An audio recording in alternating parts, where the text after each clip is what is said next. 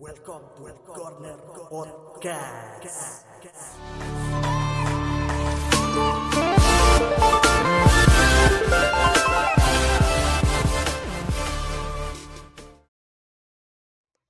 Halo, welcome back to Corner Podcast Dan podcast kali ini bersama saya Yunita Divika Damayanti akan membahas tentang eh, Piala Liga Inggris atau EFL Cup atau sekarang lebih dikenal sebagai Carabao Cup karena sponsor utamanya adalah Carabao.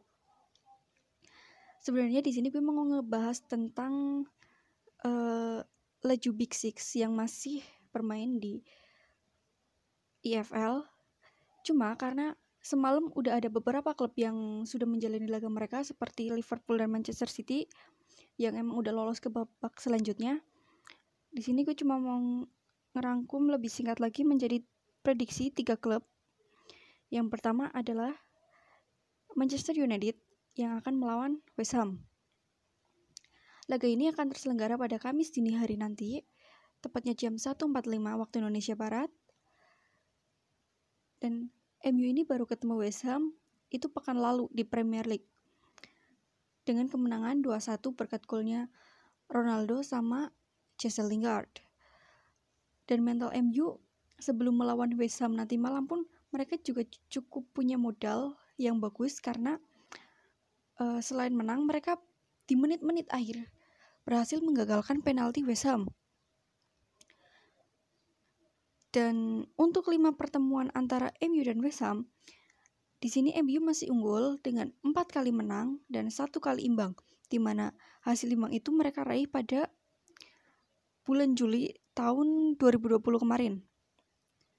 Dan untuk lima laga MU yang terakhir, mereka juga cukup unggul dengan hanya imbang satu kali melawan Southampton di Premier League terus kalah satu kali di Liga Champions saat melawan Young Boys.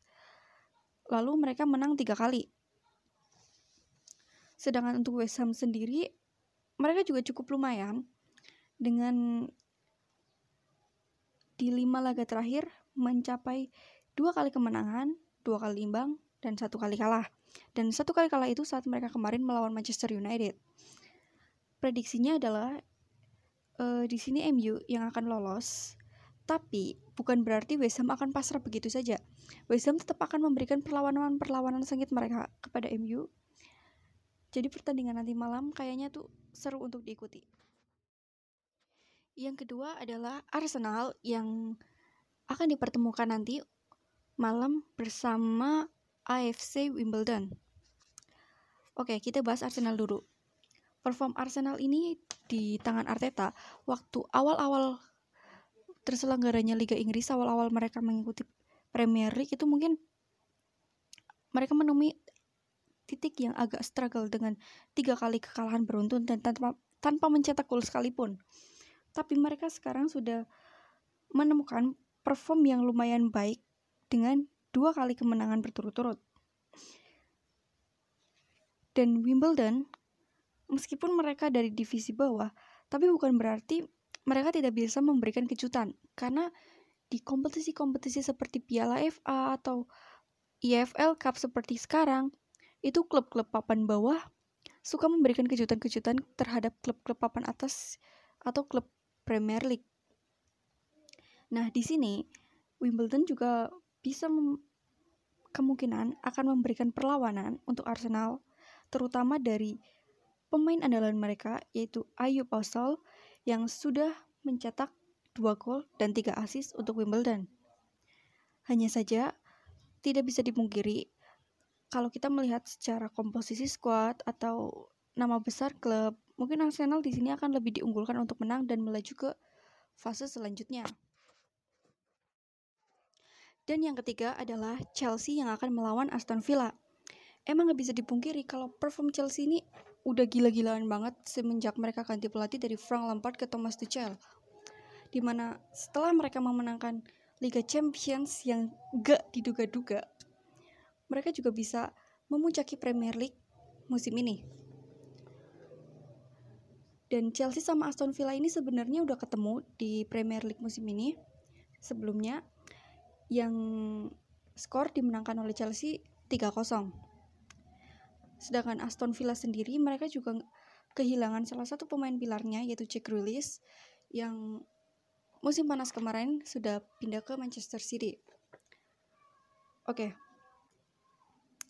Dan di sini juga emang udah terlihat jelas ya kalau Chelsea akan melaju dengan mudah ke fase selanjutnya. Hanya saja akan menemukan beberapa mungkin perlawanan-perlawan dari Aston Villa yang berambisi untuk membalaskan kekalahan mereka di laga sebelumnya. Dan selanjutnya kita akan membahas tentang apa sih itu EFL Cup. EFL Cup adalah kompetisi piala yang didirikan pada tahun 1960 yang di yang berada di bawah naungan English Football League. Nah, karena ada di bawah naungan English Football League, pesertanya sendiri juga adalah harus berasal dari anggota EFL, yaitu ada 92 klub dari divisi dari empat divisi teratas sepak bola Inggris. Dan yang perlu diketahui adalah EFL ini berbeda dengan Piala FA atau FA Cup, di mana FA Cup adalah kompetisi atau perebutan piala dalam sepak bola Inggris yang merupakan kompetisi tertua di dunia. Piala FA sendiri adalah pesertanya mengikut sertakan semua klub Inggris dari berbagai divisi, dari yang paling atas sampai yang paling bawah, dari yang resmi maupun non-resmi. Sedangkan untuk IFL peserta mereka itu cukup dibatasi dengan yang tadi hanya 92 klub dari 4 divisi teratas Liga Inggris. Dan pertanyaannya adalah, emangnya ada keuntungan dari kompetisi EFL Cup itu sendiri? Di mana perebutan trofi ini dikenal dengan trofi Piala Ciki sejak tahun 90-an. Sebenarnya Piala EF, EFL Cup itu memang mempunyai keuntungan-keuntungannya tersendiri seperti yang pertama adalah kesempatan bermain di Eropa untuk klub-klub yang bukan unggulan atau klub bukan klub Premier League. Contohnya adalah siapa pun yang memenangkan Piala EFL Cup ini tidak peduli entah mereka di liga terdegradasi atau enggak, mereka akan tetap punya jalan untuk bermain di kalau musim lalu itu mereka dapat satu slot di Europa League, tapi kalau musim ini mereka digantikan masuk ke slot UEFA Conference League. Dan keuntungan yang kedua adalah koleksi trofi, jelas. Salah satu tujuan utama terbentuknya tim sepak bola adalah mengoleksi trofi.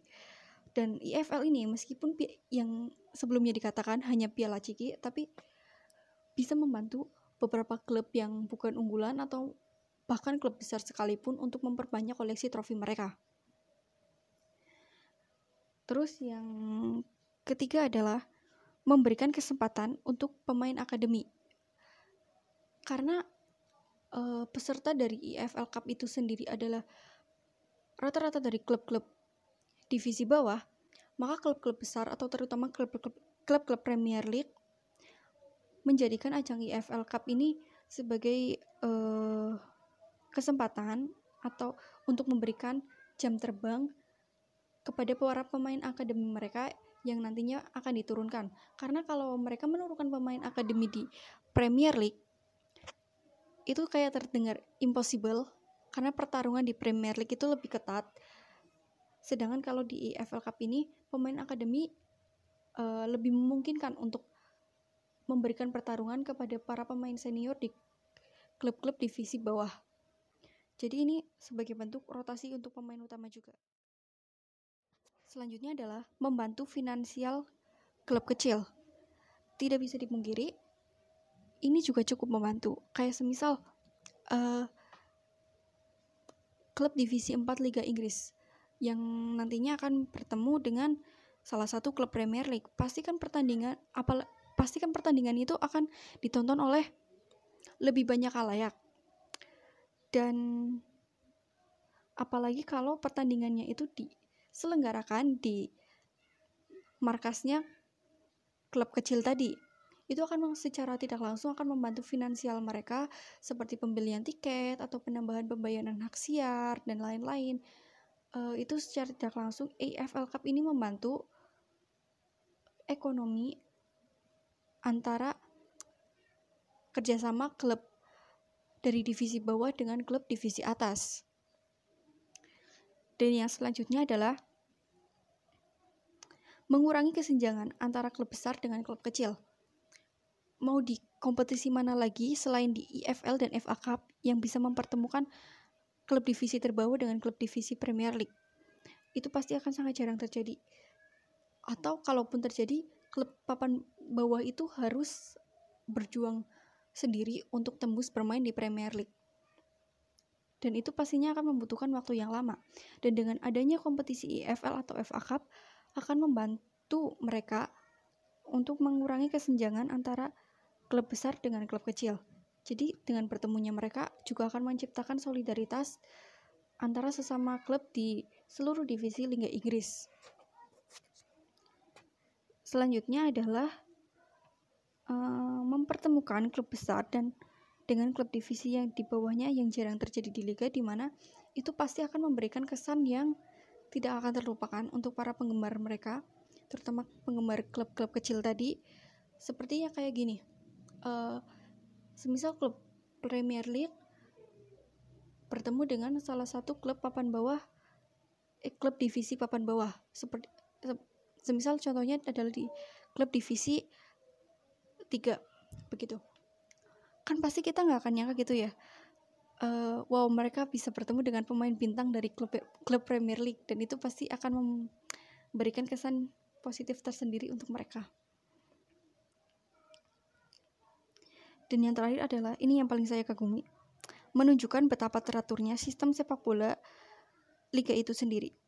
Dengan banyak banyaknya divisi, dengan banyaknya kompetisi yang diselenggarakan, itu akan menunjukkan kepada uh, kepada dunia olahraga bahwa sistem peraturan atau sistem manajemen di liga di, atau di salah satu liga di suatu negara itu bisa dibilang mereka baik dan terkoordinir. Dan itu hal yang bagus untuk dicontoh untuk liga-liga luar. Namun adanya kompetisi IFL ini juga tidak jarang memberikan kerugian. Yang pertama adalah memperpadat jadwal yang tidak perlu.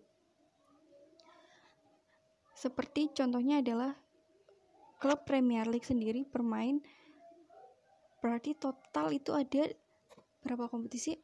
Premier League, terus kompetisi Eropa, entah itu UCL ataupun Europa League, terus ada FA Cup, dan yang terakhir adalah EFL Cup. Total klub Premier League akan bermain di empat kompetisi mereka.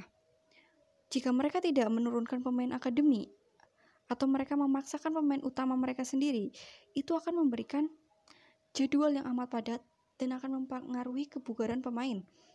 Kalau pelatih tidak bisa atau tidak pintar-pintar merotasi pemain mereka, tidak dipungkiri mereka akan mengalami badai cedera. Dan selanjutnya adalah buang-buang waktu dengan hadiah yang sedikit. Juara dari kompetisi IFL sendiri hanya 100 ribu pound sterling di mana itu adalah gaji satu pekan untuk satu pemain biasa klub Premier League utamanya apalagi untuk klub-klub besar seperti Big Six itu mereka bahkan menggaji pemainnya itu bisa tiga kali lipat dari hadiah juara di EFL Cup. Yang terakhir adalah kompetisinya tidak prestisius. Tidak dipungkiri kalau EFL ini bukan kompetisi yang prestisius seperti Liga Champions atau Premier League yang mungkin klub-klub lain akan mempas diri mereka untuk menjuari kompetisi ini. Tapi tidak dipungkiri juga klub besar juga mengincar kompetisi yang dinamakan Piala Ciki. Seperti contohnya Manchester City yang beberapa tahun terakhir adalah langganan juara dari EFL Cup. Selain untuk memperbanyak trofi, namun kompetisi ini juga tidak dipungkiri akan memberikan mereka beberapa bulian-bulian uh, yang ya apa sih itu kompetisi bukan kompetisi elit ya wajarlah City ngincer di situ kan mereka koleksi kan koleksi trofi mereka kan dikit gitu tapi ya itu bukan hal yang salah juga yang di sini kan uh, utamanya kan tujuan dari sepak bola mungkin salah satunya adalah mendapatkan trofi dan mungkin Manchester City memanfaatkan adanya IFL ini untuk mem memperbanyak koleksi trofi mereka. Oke, okay, sekian pembahasan IFL pada episode Corner Podcast kali ini. See you very soon. Dah.